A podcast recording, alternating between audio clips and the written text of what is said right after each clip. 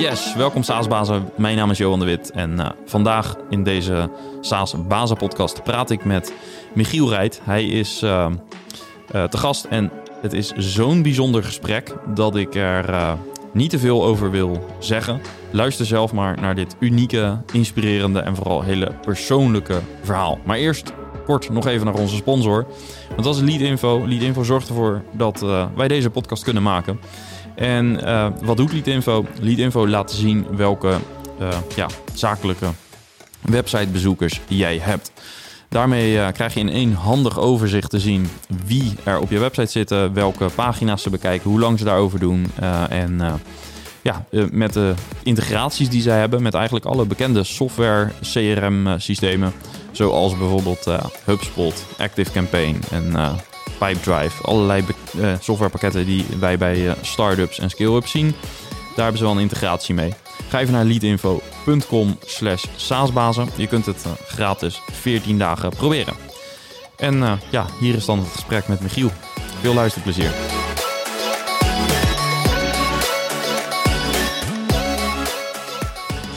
Ja, Michiel, welkom. Ja, dankjewel. Leuk om hier te zijn. Ja, we gaan het hebben over jouw b-hack en nog heel veel meer. Maar daar gaan we gewoon mee starten, omdat we... Ik heb het gevoel dat het een bijzondere aflevering gaat worden van, van deze podcast.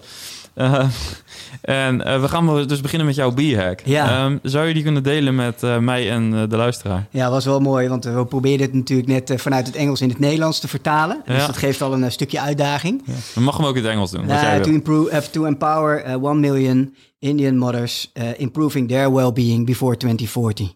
Dus echt het Indiaanse moeders in staat stellen om hun eigen well-being te versterken voor 2040 en dan een miljoen. Ja. Dat is ten eerste een hele mooie, vind ik. Uh, maar ten tweede, uh, er zijn uh, al best wel veel b-hacks de revue gepasseerd. Misschien niet eens per se alleen in de podcast, maar ik heb er zoveel saasbaas om me heen die, die wel delen. Deze wijkt daar in een aantal opzichten behoorlijk van af. Dat zal je niet verbazen. Ik zie het ook aan je glimlach. Um, dus in die zin is die opvallend. Um, waarom deze b-hack? Waarom is dit belangrijk voor je? Ja, dat, dat is, is eigenlijk heeft te maken met het beginpunt, het startpunt van mijn leven. Uh, ik ben te vondeling gelegd, geadopteerd. Ik ben te vondeling gelegd in Mumbai, op de stoep van een weeshuis. Uh, dat heet het Sint-Joseph Home. En um, ja, ik geloof heilig erin met, in, zeg maar, om, de kans te vergroten op een beter leven. En mijn eerste naam uh, is nu mijn tweede naam en dat is Sujit. En Sujit betekent auspicious victory, gunstige overwinning. Dus zeg maar dat, een kans gekregen, gunstige overwinning in combinatie met um, dat ik van mening ben dat we de kansen in India zelf moeten verbeteren. En een van de dingen die daar onder druk staat is het welzijn van jonge moeders. En onderdrukking, waar ik sowieso helemaal uh, kippenvel van krijg. Dus dat is, um, de, eh, dus het is, komt echt van het startpunt. En daar heb ik me de eerste 40 jaar niet zo heel veel van aangetrokken. En steeds duidelijker werd van oké, maar Michiel, je hebt dus die kans gekregen. Wat wordt nou in plaats van altijd maar met presteren bezig te zijn? Wat wordt nou jouw bijdrage aan de wereld? En hoe ga je die kans dan omzetten en anderen daarmee helpen? En anderen in dit specifieke geval, Indiase moeders. En in die end, als je mijn hart kijkt, zodat ze nooit meer voor de laatste keer in de ogen van hun kindje hoeven te kijken om het op een stoep neer te leggen in de hoop op een beter leven. Dus dat is waar het vandaan komt. Echt van binnenuit. Oh, ja, nou, dat bevestigt dat het wat anders is dan de meeste SaaS hacks. ja. Um, ja, nou ja, nogmaals ongewoon, maar uh, fantastisch. En um, je, um, dit is je b-hack. ja. Je bent een heel gestructureerd denker. ik heb je natuurlijk in het vorige gesprek gesproken, maar ook een aantal keren eerder je wil uit, uh, of, of je moest even uit de prestatiedrang komen, wat je al zei. Ja. Um, maar uiteindelijk zul je hier ook flink voor moeten presteren ja. um, om, om dit te kunnen bewerkstelligen.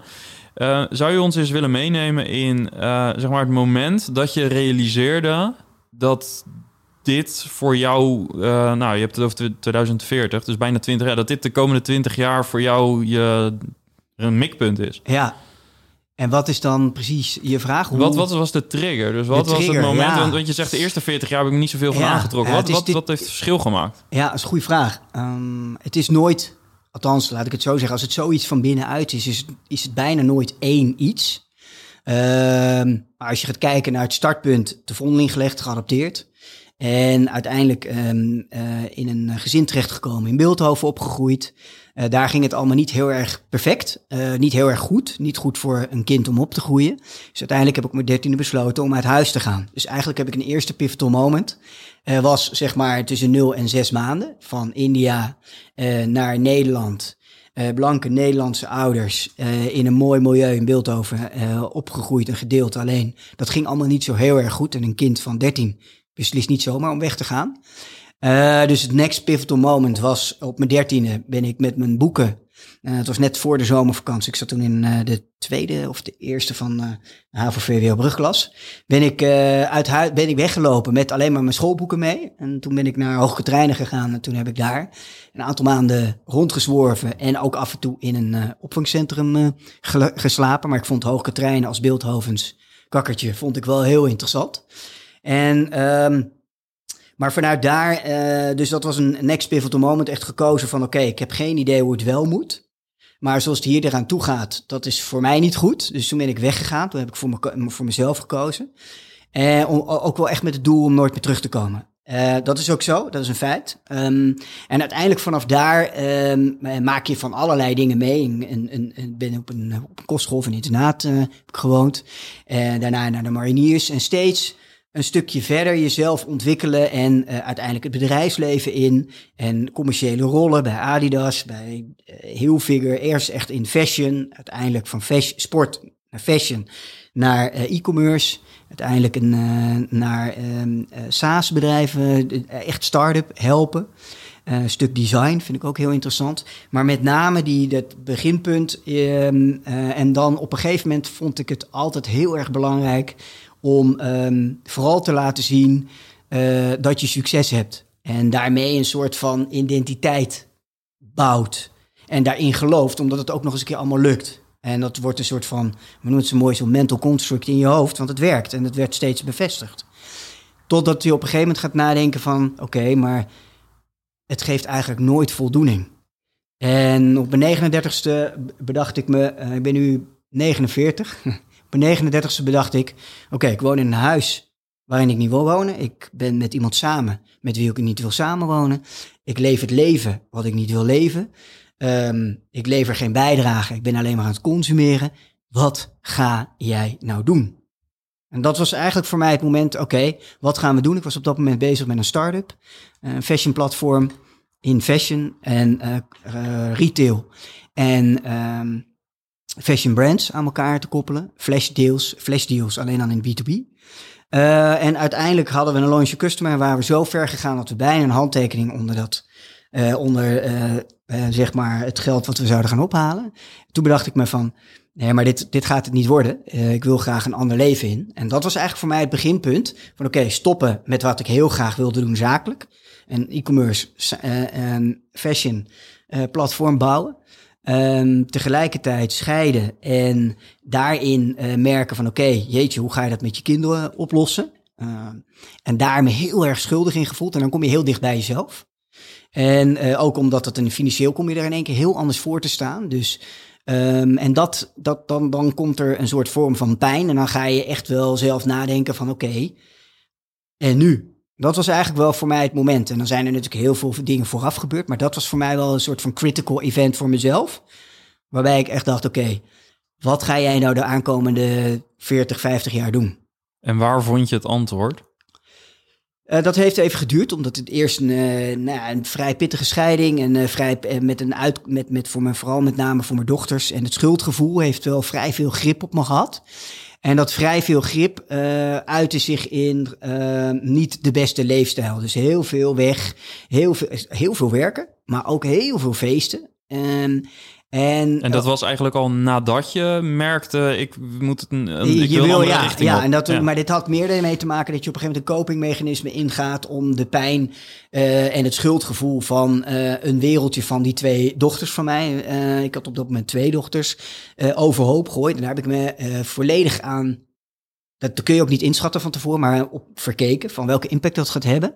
En toen uiteindelijk um, voelde ik gewoon, oké Michiel, maar als je zo met jezelf om blijft gaan, ehm, dat is niet goed. Ik bedoel, veel te veel uitgaan, uh, niet goed slapen. Uh, dus op een gegeven moment echt ingegrepen. En ik heb een sportachtergrond, ja, ook met mariniers, weet je, je hebt toch een bepaalde basis. En uiteindelijk echt teruggegaan in die basis van, oké, maar hoe ga je er nou voor zorgen dat jij gewoon elke dag de juiste dingen gaat doen en die uiteindelijk gaan leiden tot, uh, nou ja, de gezonde gewoontes die steeds meer geïnternaliseerd worden. Um, nou, dat. En daar heb ik een soort van programma voor mezelf uh, voor geschreven. Ja, en, en dat, maar dat was nog niet het moment dat je deze b zo duidelijk op papier had. Nee, helemaal niet. Want, want die ruimte was er in mijn hoofd ook niet. Nee, dus je was, eigenlijk meer nog, uh, wat je beschrijft klinkt als een crisis eigenlijk, hè, waar, ja. waar, je in zat. Ja. Uh, waar je misschien hier en daar voor aan het vluchten was ook, wat je omschrijft. Um, en ondertussen moest je, voordat je vooruit kon kijken, moest je eigenlijk eerst weten wat de oorzaak was van die crisis. Ja, zeker. Het beginpunt daarvan is, um, hè, dat komt echt vanuit de scale-up methode waar ik uh, binnen een uh, e-commerce bedrijf uh, mee begonnen ben. Vergelijk.nl, daar, daarmee, ben ik daarmee in aanraking gekomen. En ben daar ook echt een gelover in geworden van, ja, weet je, van tien jaar, drie jaar, één jaar, een B-hack. hey, daar hebben we hem.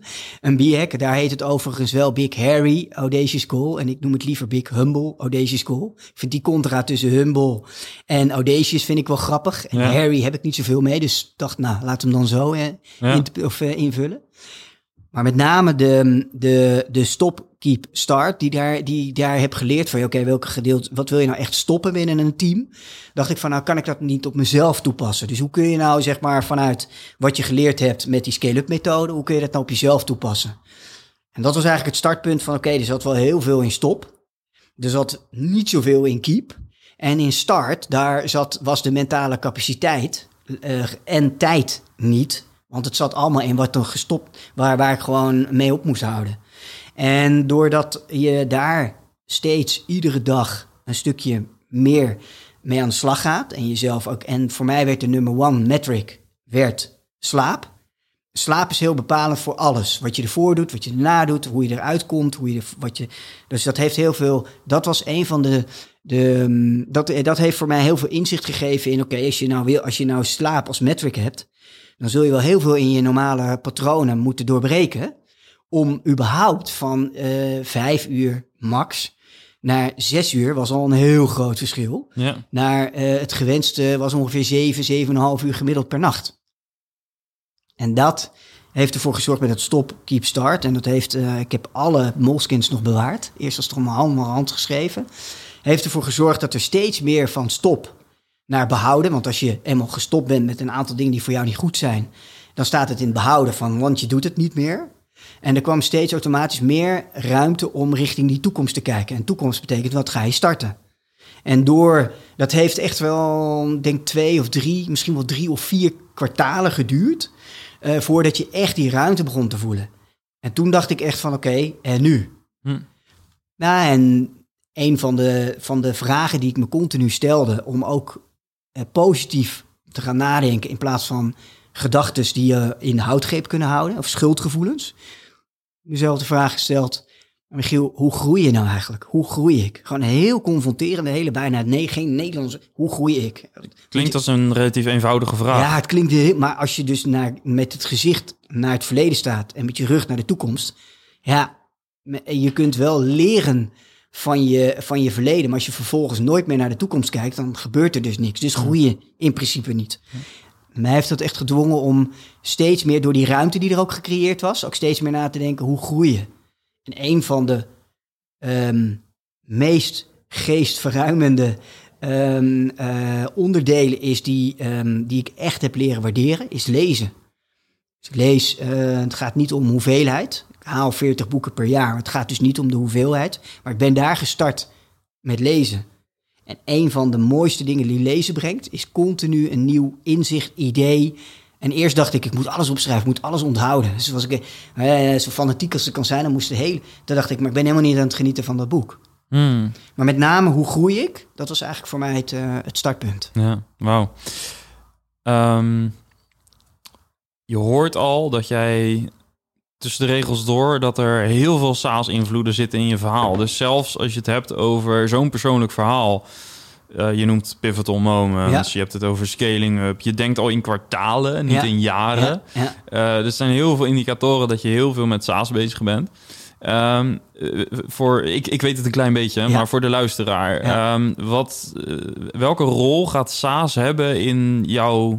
eh, ik zou het bijna levenswerk noemen als ja, ik je zo ja, hoor. ja. Nou, en, ehm, en we hebben het daar natuurlijk ook al even in het voorgesprek over gehad. En ehm, als we één stap teruggaan, voor mij is vraag en aanbod bij elkaar brengen en eh, een community bouwen en eh, een, iemand van in een behoefte voorzien. Daar is het vehikel is gewoon puur het middel. En als het even helemaal plat slaan, eh, toen ik nog in fashion werkte en we op een gegeven moment ehm, te maken kregen met e-commerce.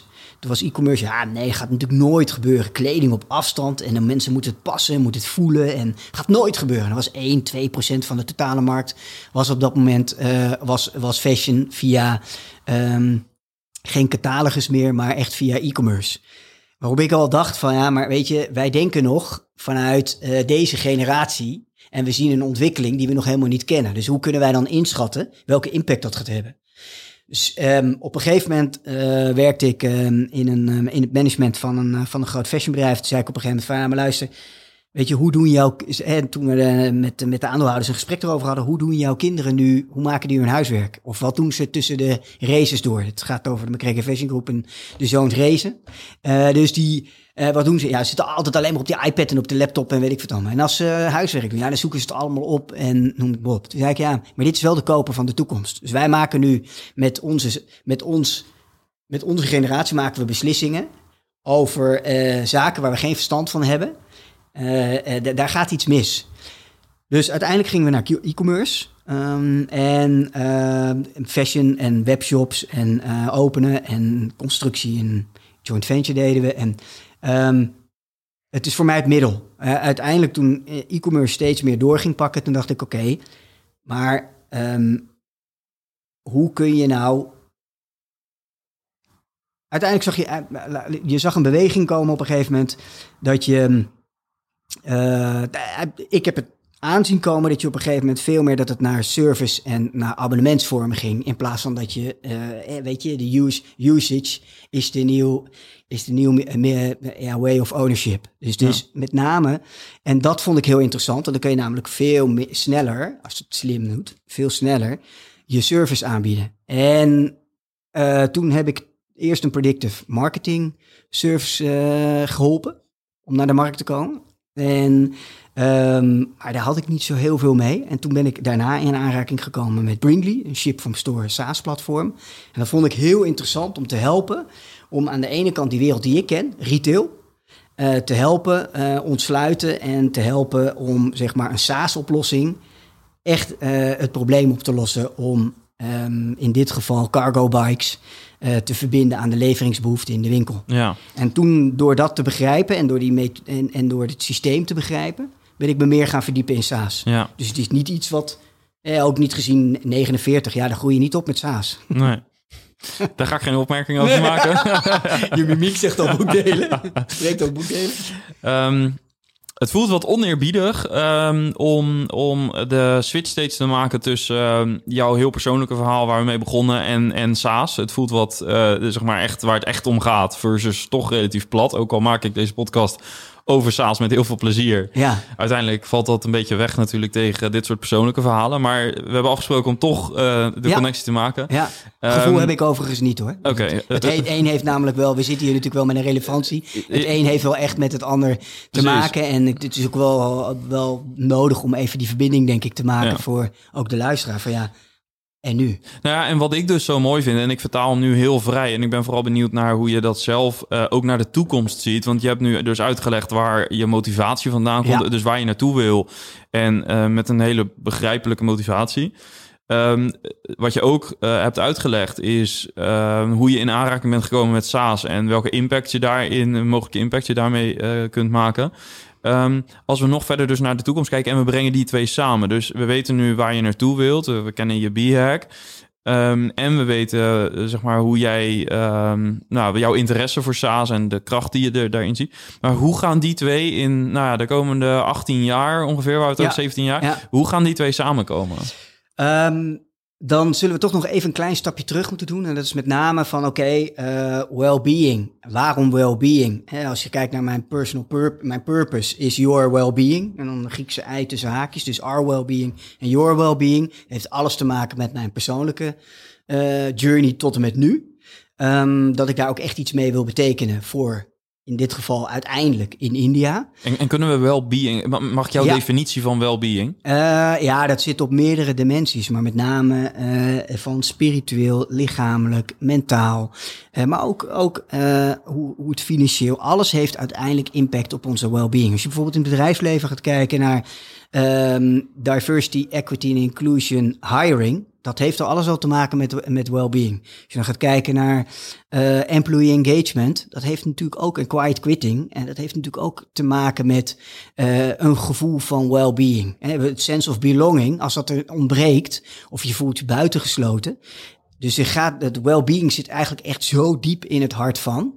En eh, dus voor mij is well-being echt het welzijn. Het er mogen zijn, je gehoord, ge- eh, gewaardeerd, erkend voelen. eh, voelen eh, maar ook op het moment dat het minder goed gaat, dat er, dat er support is. Ehm, en waar je uiteindelijk naartoe wil, is dat het veel meer over preventie gaat. En daar hoor je Ja. de gezondheidszorg natuurlijk ook steeds meer over. Het is ook bijna niet meer te doen, want het is hartstikke duur. En hoe, wie betaalt de rekening? Ja, Maar met name preventie. En Ja. preventie zijn we op zich niet zo heel erg goed in, überhaupt niet. nee. Want we wachten pas tot het echt aan de, iets in met onszelf aan de hand is. Ja. En sense of urgency heel hoog is. Eh, er een black swan als een lockdown of als een covid komt en dan twee jaar lockdown. En dat brengt eigenlijk eh, hoe ik gekomen ben op de combinatie SaaS en eh well-being. Ik ben op 13-3-2020 had ik mijn laatste gesprek voor de rol Director of Operations bij eh, een creative digital agency. Eh, een B Corp certified company. Geeft ook aan hoe de founders in het leven staan. Dus echt wel een bijdrage willen leveren aan een schone, eerlijke, inclusievere wereld.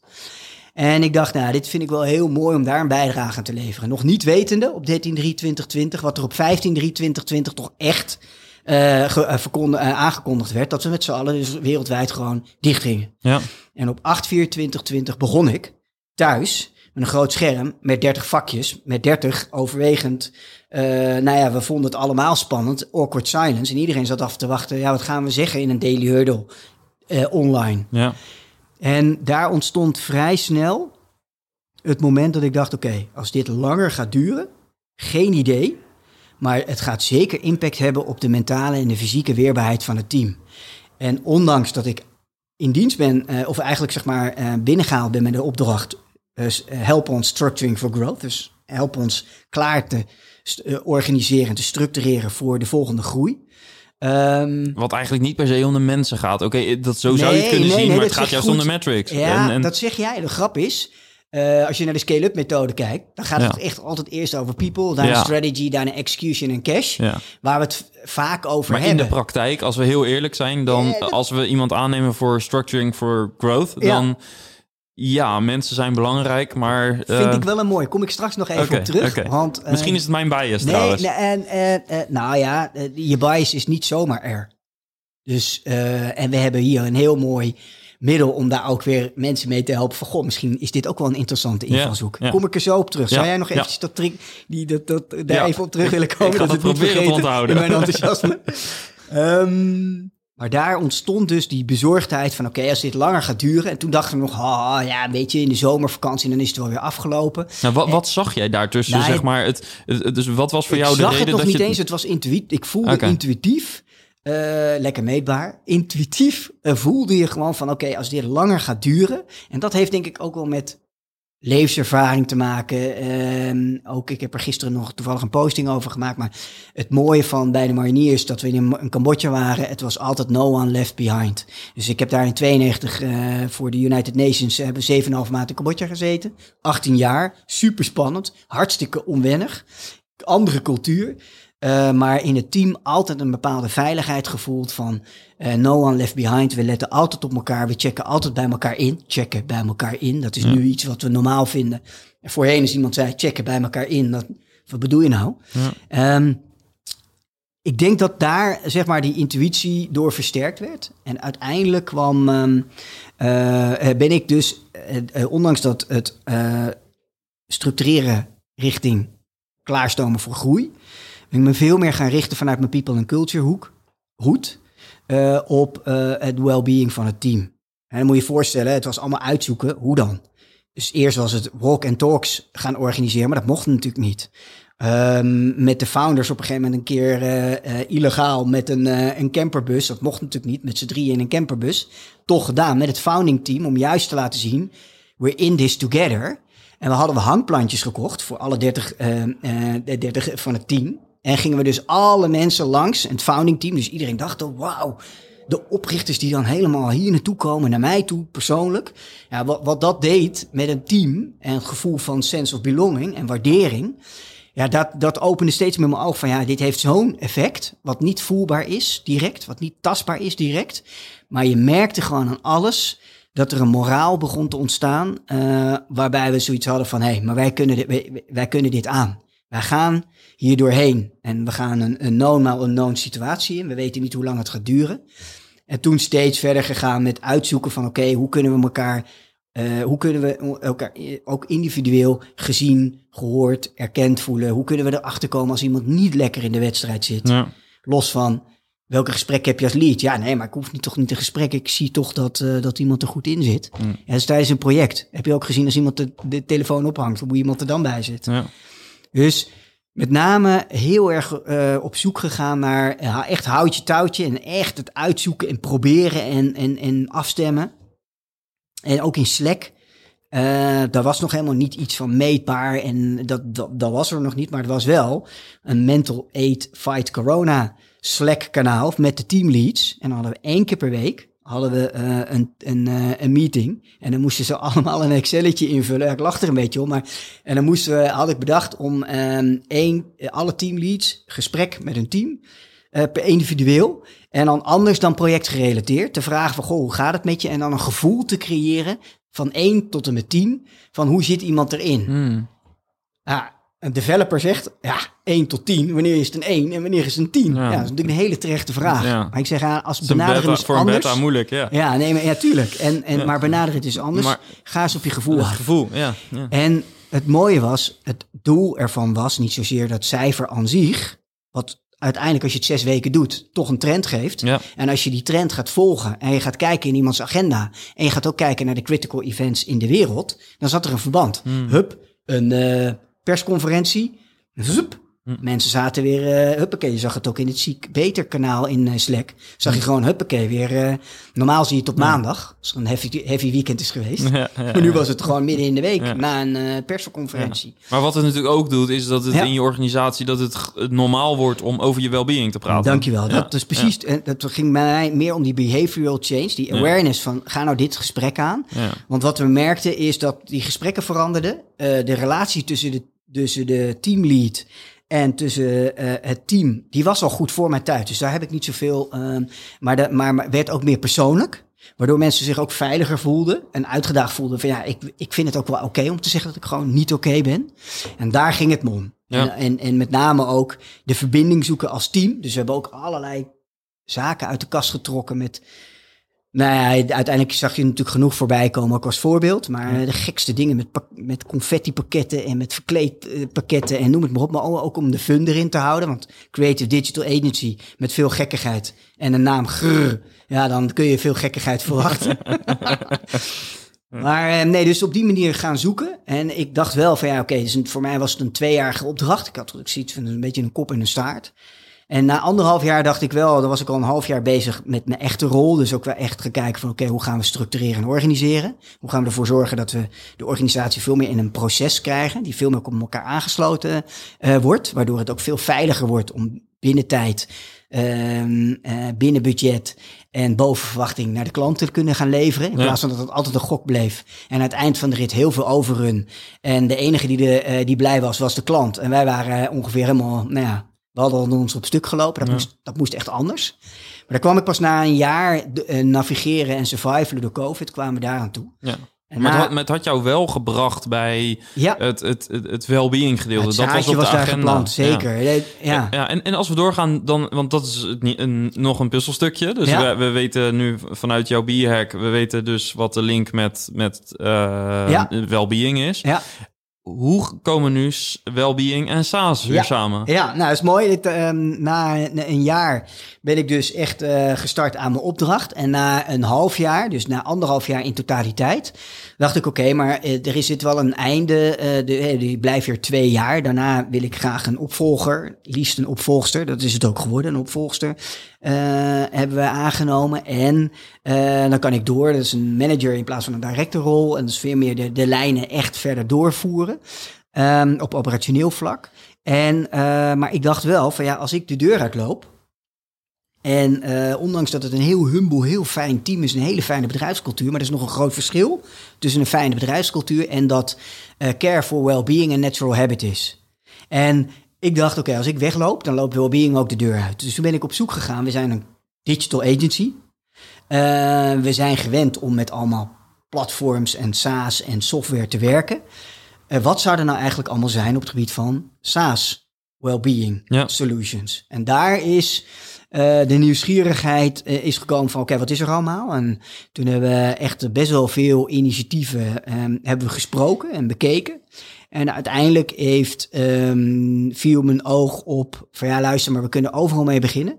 Maar allereerst wil je altijd een soort van nulmeting hebben. Je wil altijd weten van hoe zit iemand nou op verschillende dimensies erin. En wij zij hebben dus gekozen uiteindelijk om te gaan werken met een platform en het heet eh, Quan Wellbeing. En dat gaat echt over assessment. Je kijkt echt vanuit verschillende dimensies over hoe zit je als individu erin. En op geaggregeerd niveau hoe zit voor een teamlead mijn team erin. Ja. Zonder dat het te herleiden is, want het is natuurlijk privacygevoelige informatie. Ja. Maar dat was eh, eigenlijk, en dat op kwartaalbasis. Dus dat je echt op kwartaalbasis krijgt te zien op deze en deze dimensies. eh, kun je dit en dit gaan doen. Aan recommendations krijg je dus aanbevelingen krijg je eruit. Nou, en daar ben ik dus in aanraking gekomen met SaaS Wellbeing. En toen was voor mij echt het zaadje geplant van oké, Wellbeing, daar ga ik op aan als persoon. SaaS is het middel om uiteindelijk ehm, eh, grote aantallen mensen te kunnen bereiken om eh, in staat te stellen om haar of zijn of ons well-being eh, te versterken, Ja. te verbeteren.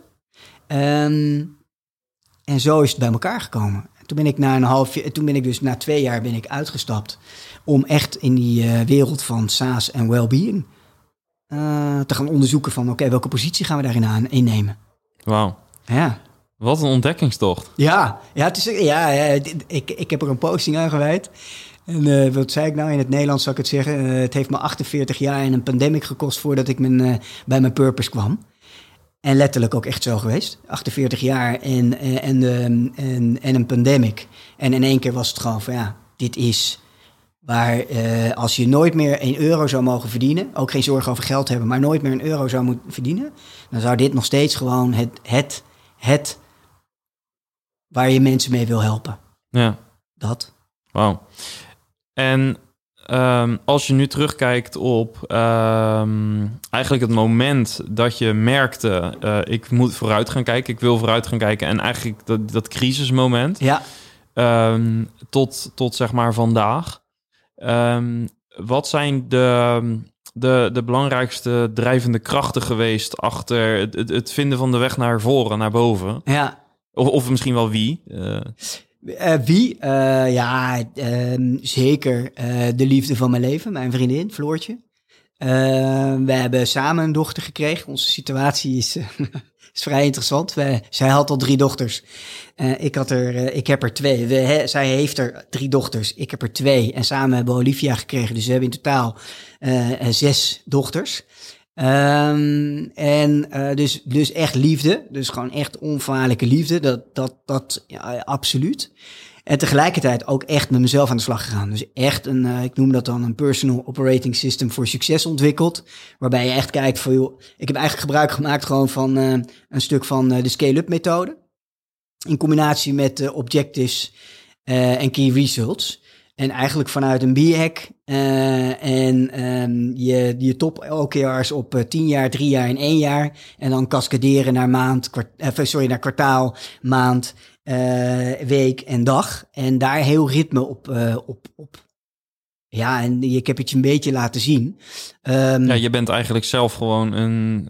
Je hebt een machine bijna gebouwd. Een ja, bedrijfje gebouwd ja. voor jouw persoonlijke...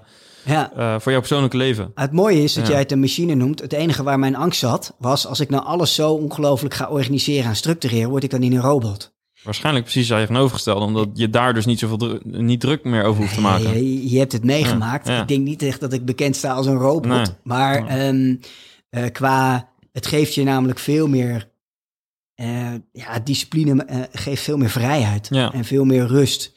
En veel meer ben je in staat om zaken ook te bepalen. Wat is niet van belang, wat is wel van belang. Ja.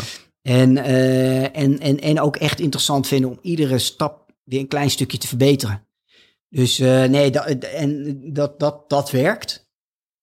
En ik pas het ook toe binnen teams. Dus ja. als je dan terug gaat naar stop, keep, start, waar het mee begonnen is dat hebben we ook. En het, eh, als, de, als het team van Gur dit hoort, dan zullen ze er nog eh, met dank, dankbaar aan terugdenken. Want we hebben daar heel veel plezier. We hebben met alle teams, zonder management, behalve ikzelf, hebben we Stop Keep Start sessies gedaan. Daar is heel veel uitgekomen. Uh, ook heel veel onuitgesproken onvrede.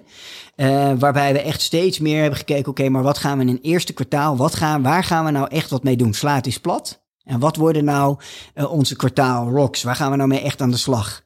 En uh, we, waar we verbeteringen in kunnen aanbrengen. Zo zie je dat je dus eigenlijk iets in een, uh, in een privé situatie kunt gebruiken, in een zakelijke situatie, in een SaaS-situatie. het heeft alles te maken met een heartbeat, met ritme, met prioriteiten stellen, met een doel stellen, met, een, um, met een soort stip aan de horizon. En daarom vind ik het zo mooi met SaaS, want dat leent zich er natuurlijk ideaal voor. Ja. Een grote droom en terugrekenen in stappen van hoe gaan we er komen. Ja. Mooi. Uh, en inderdaad, ik ben helemaal niet zo bang voor dat je daar machine van wordt, zeg maar. Ik denk juist dat door dat soort dingen, um, ja, om, om uh, daar structuur in aan te brengen, dat je juist aan de creatieve kant veel meer uh, ruimte gaat, gaat krijgen. Ja. Um, ik moest nog even terugkomen op het onderwerp waar we het even over hadden. En dat is eigenlijk de vraag, um, als het gaat over structuring for growth dat dat bij mij in ieder geval, en dat kan dus mijn persoonlijke bias zijn, um, dat dat eerder een spreadsheet op, oproept dan dat het uh, uh, een heel goed inhoudelijk persoonlijk gesprek met iemand oproept. En je zei, daar wil ik wel wat over zeggen. Ja, het mooie is, nou, weet ik, nou ben ik eventjes kwijt nu wat ik er dan op dat moment over wilde vertellen. Um, maar herken je het beeld om daar eens mee te beginnen? of roept zeg maar zo'n zo'n echt een, een, een, een skill-up, uh, het, het, het inrichten voor groei? Nee, ik geloof daar zeker in. Nou ja, weet je dat? Oh ja, dit, ik, ben, ik ben er weer mooi. dat doe je goed, Johan. Me weer terug bij de les. um, nee, wat wel interessant is, um, om, hè, ik ben bezig met een, uh, een volgende venture, een volgend bedrijf uh, op te zetten in het snijvlak tussen um, SaaS Wellbeing um, Solutions. En aan de andere kant, ja, waar het vaak in eerste instantie terechtkomt, is bij People and Culture. Om te kijken hoe kunnen we nou die aansluiting veel beter met elkaar vinden. Hoe kunnen we nou veel meer de waarde van waarom we het doen, waarom we doen wat we doen, veel meer ook tastbaar maken. Uh, en als het over een CFO hebben, misschien wel in een, in een business case. En als het over een CEO hebben. Maar zodat iedereen eigenlijk gewoon niet anders kan dan het amas omarmen van initiatieven die het welzijn van onze mensen ondersteunt. En um, ik ben nu daarnaast in gesprek en ik heb, dus een hoofdelijke verantwoordelijkheid voor een aantal dochters um, uh, en een gezin. Uh, om ook uh, na een aantal maanden gewoon lekker zelf voorwaarts te gaan om bezig met een interim klus, een interim opdracht. En het mooie is, normaal gesproken begint dat, en daar waren we ook van, begint dat met ja, rationeel en operations. mooie was in dit gesprek met deze drie founders um, ging het echt over van, ja, maar wij hebben echt het idee dat het echt binnen uh, de human factor zit binnen het team. En als we daarmee aan de slag gaan, um, um, dan, uh, dan, en de mensen zijn zo ontzettend slim en capabel, dan vinden we vanzelf op een gegeven moment wel, vanzelf, met hulp, uh, een weg om het proces nog beter met elkaar, uh, met elkaar werkend te krijgen. Ja, en betekent dat ook dat groei het gevolg is van het goed, goed zorgen voor de mensen? Ja, ja. ja. ja daar geloof ik echt heilig in. Ik heb mijn, een van mijn uitspraken ook, uh, is resilient people is resilient company. En ik denk dat we dat met z'n allen niet mogen onderschatten. Nee. Dat, um, um, en je ziet steeds meer, het is natuurlijk een soort van abstract, vaag. ja, well-being, wat is het nou eigenlijk? En hoe moet ik dat en hoe kan ik dat dan meten? En... Ja, nou en, en, en um, ik steek de hand even in eigen boezem. Maar uh, ik, ik denk dat in alle eerlijkheid, ik, ik, als je dit vertelt, dan denk ik, ja, dit klinkt heel logisch. En ik zou daar denk ik meer mee moeten doen, als ik eerlijk ben. tegelijkertijd ik heb natuurlijk heel veel startups en scale-ups gesproken, althans de founders ervan en de teams ervan. En um, hoe, hoe vaak hier ook over gesproken wordt, of hoe mooi sommige teksten op de websites ook zijn. Um, wat gebeurt er als de boel echt onder druk komt te staan? We zitten nu in een economisch moeilijk klimaat. Um, en natuurlijk zul je soms harde beslissingen moeten nemen om je bedrijf te redden. Hè? En dat kan betekenen dat, dat, dat je mensen moet laten gaan. En nou, ik heb van de afgelopen weken genoeg founders gesproken waarvan ik heel duidelijk zag dat die daar echt doorheen zitten. Dus uiteindelijk die, die menselijke factor, dat is denk ik voor vrijwel iedere founder inderdaad een heel belangrijk thema. Ja. Um, en, en uiteindelijk denk ik dat het voor heel veel founders um, dat die meer wakker liggen om het welzijn van de mensen dan uh, heel veel andere dingen. Maar toch, als je zo'n onderwerp hoort, structuring for growth en, en dat soort dingen, dan toch automatisch is bij mij, en nogmaals, dat kan alles zeggen over mij, maar denk je toch heel erg aan de harde kant, aan de KPI's, aan de frameworks, aan de spreadsheets. En, en misschien is dat ook wel veelzeggend, dat uh, nou, ook mensen zoals ik, die dus vaak praten met mensen die grote teams leiden, dat, uh, dat die toch misschien, misschien nog de verkeerde beelden hebben bij groei. Ja, nou, nou ja, verkeerd, verkeerd. Um, het, is, het is best wel mens eigen dat op het moment dat alles goed gaat, dat we daar ook helemaal niet over nadenken. Dat we denken van ja, het gaat toch goed, ik heb dat helemaal niet nodig. En uh, daarom is preventie is ook best wel een uitdaging überhaupt. Want ja. preventie uh, dat heeft alles nodig. Die, precies, nou, ja. preventie heeft eigenlijk alles te maken met discipline. Ja. Dus heb je de discipline om ervoor te zorgen dat je dag op dag de juiste dingen uh, doet die goed is voor je lichaam, voor je geest, voor het slaap, voeding, beweging, ja. uh, sociale contacten, uh, you name it. Wel alles wat ons welzijn uh, ten goede komt. Ja. Zolang het goed gaat, voel je die, die noodzaak niet. En um, dat heeft natuurlijk twee jaar lockdown wel kaart naar boven gehaald. Van, het is in één keer van unaware is het naar awareness gegaan. En het is in één keer gelukkig veel meer nou ja, als jij en ik in een kroeg staan en op een gegeven moment is de muziek niet eens zo heel erg hard en wij zouden in één keer wel hard praten over, of we zijn een biertje te veel op en we beginnen een keer heel hard te praten over emotionele dingen, wordt dat nu tegenwoordig gelukkig steeds minder raar opgevat of ja. dat twee mannen daarover hebben, bijvoorbeeld. Hè? Ik noem maar een Mhm, voorbeeld. Dus het is het steeds meer om erover te praten. Maar Ehm, tegelijkertijd is het ook, en dat bedoel ik, op het moment dat ik aan iemand vraag...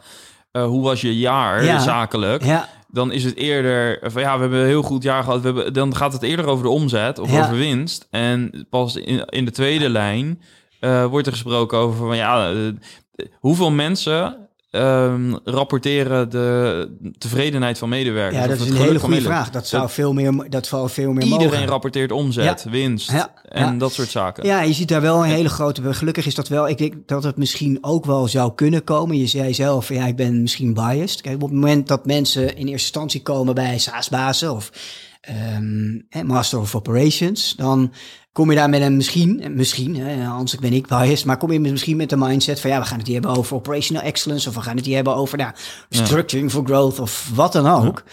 En dan kom je er misschien met een rationelere uh, insteek. Je weet Ja. dat ik, mijn purpose is de reden waarom we hier zitten. En, uh, um, en ik vind SaaS een waanzinnig mooi middel om zeg maar uiteindelijk uh, het doel Ja. te bereiken. Ja. En um, dus, dus als, je, als je het gaat hebben over die, die, die noodzaak, uh, het heeft ook met mindset te maken. En gelukkig, gelukkig merk ik wel dat in alle gesprekken en ook, uh, ook op C-level zie je steeds meer um, dat het gaat over hoe gaat het nou eigenlijk met ons als Ja. mens? Hoe gaat het met het welzijn? Hoe gaat het met het team? Je ziet wel een, een, een, eh, je ziet wel een kentering. Ja, je ziet wel een, een, beweging, gelukkig. En daar ben jij zelf ook aanjager van. eh, eh, nee, eh, weet ik vanuit mijn omgeving in ieder geval. ja, ja. Ehm, ja, er valt nog heel veel over te zeggen. Wat ik ook nog wil, wil zeggen slash vragen. Ehm, ten eerste vind ik het heel moedig dat je dit verhaal in een podcast deelt. Dat, eh, eh, er wordt naar geluisterd namelijk, dus Ja. dat, dat, dat weet je. Ehm, wat ik heel knap vind, is dat je...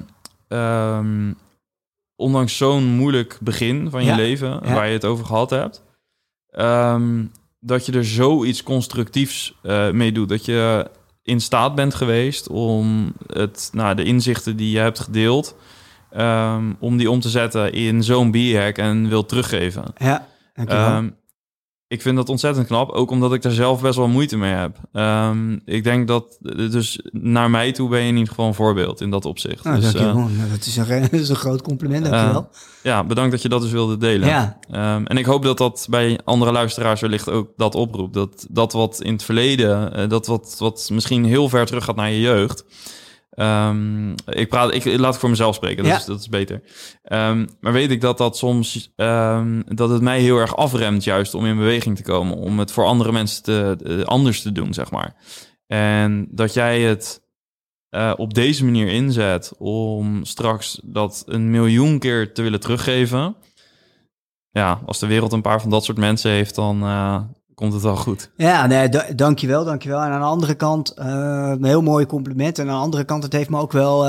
eh, ik ben geen 29 meer, toevallig ook geen 39 meer, maar wel 49. Dus het heeft ook wel eh, lang geduurd voordat je die reis inwaarts... Het, het belangrijkste onderdeel is de, de reis inwaarts maken... om, om bij jezelf te komen van oké, daar zit dus iets... Ja, Eén, waar je nog mee aan de slag moet. Maar twee, waar, en dat komt er dan bij mij automatisch. Ik weet geen idee waar dat vandaan komt. Maar daar wil je ook graag van rol van betekenis van zijn. Want ik heb dan toevallig de, geen idee, eh, life force gekregen vanuit mijn eh, moeder, biologische moeder of wat dan ook. Ik weet niet waar het vandaan komt. Maar in ieder geval gewoon altijd, altijd willen gaan en altijd iets willen betekenen. En eerst was het allemaal personal eh, gericht, dus eh, iets voor jezelf kunnen betekenen.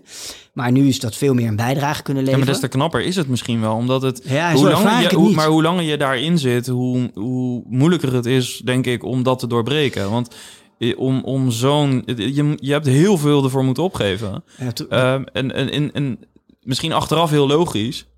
Maar als ik het zo hoor, is het, eh, heeft het behoorlijk veel ge- ehm, energie ook gekost om jezelf te vinden. Je moest wel door een crisis, Ja. bijvoorbeeld. Ja, eh, helder. Ehm, maar ook wel gezegend met goede vriendschappen, eh, ware liefde, ehm, mijn dochters.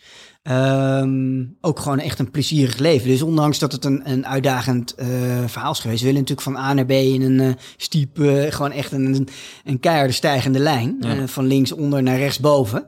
En we weten dat het hele leven nou, Ja. dat het hele leven nou helemaal gewoon echt eh, een bumpy road is. Ja. De vraag is, hoe gaan we uiteindelijk eh, om met aan de ene kant het dal en aan de andere kant eh, ook, hoe gaan we juist om met als het gevoelsmatig helemaal niet nodig is. En dat was voor mij ook het uitzoeken. Ja. De, van ja, als het niet nodig is, was ik er daar ook dus niet mee bezig. Nee, maar wa- wat er wat mij betreft ook heel erg in zit, is dat je... kijk, wat je overkomt, daar heb je geen invloed op. Hè? Nee. Dus de, de situatie heb je niet kunnen beïnvloeden. Maar je hebt wel eh, de reactie. Je hebt wel de, de, de ruimte om de reactie te Ja. kiezen. En dat heb je wel, Ja. eh, denk eh, uitzonderlijk sterk gedaan. En dat eh, vind ik inspirerend. Nou, dankjewel, dankjewel. Maar dit, het heeft ook wel met kansen, te- eh, cre- eh, ka- kansen creëren, maar ook wel een stukje mazzeltof. Het heeft ook wel te maken met ehm, zo'n pandemic. Ik vond het waanzinnig. Het was eh, unknown, mal unknown. Team helemaal in zak as. Eh, de founders helemaal van, oké, hoe gaan we hier doorheen komen? En ik vond dat een soort van blank canvas. Waarbij, we de, waarbij ik dacht van, nou, volgens mij als we goed voor team zorgen... en we denken goed na over, moeten we iets in onze strategie passen... of iets in de executie. Volgens mij gaan we dan wel eh, zwart, eh, zwarte EBITDA over de streep. Ongeveer. Maar ik, het, ik, ja, maar je doet, volgens mij doe je jezelf wat tekort. Want ook hier, dit is een keuze die je hebt gemaakt. Ja. Jij hebt gekozen voor een andere reactie. Jij hebt ervoor gekozen om niet slachtofferrol in te stappen van ja, de eh, klote COVID en weet ik veel allemaal niet. Jij hebt actie ondernomen op een constructieve manier. En natuurlijk, eh, ik, ik snap best dat je zelf zegt van nou, eh, mijn omgeving fantastisch. En dat zal ook allemaal, maar uiteindelijk moet je het wel zelf doen. En ik denk dat het, het ook, ook ik vind het mooi om dat ook te zien. Ook in het kader van deze podcast. Want nee, we hebben het vandaag niet superveel over SaaS. Nee. Hoewel er dus duidelijk een hele duidelijke link is. Maar elke founder gaat ook door dit Ja. soort dingen. En Ja. misschien niet in de intensiteit als wat jij hebt gehad. Hè? Want je kunt denk ik uiteindelijk zelfs het, het, het moeilijkste wat je in een eh, bedrijf meemaakt... kun je niet vergelijken met, met eh, nou, de situatie hoe, je, hoe jouw start is geweest. Als ik dat zo hoor. Maar één ding is zeker, er gaat een hoop shit op je afkomen als founder. Ja, zeker. En je hebt zelf de ruimte om eh, Ja. te, te kiezen hoe je daarop Ja. reageert. En dat vind ik heel be- bemoedigend dus. Ja, Ook. nee, dankjewel. dankjewel. En, en, en daar, om daar nog even op in te haken, als je gaat kijken naar ehm, eh, situaties zijn uiteindelijk niet met elkaar te vergelijken. Nooit niet.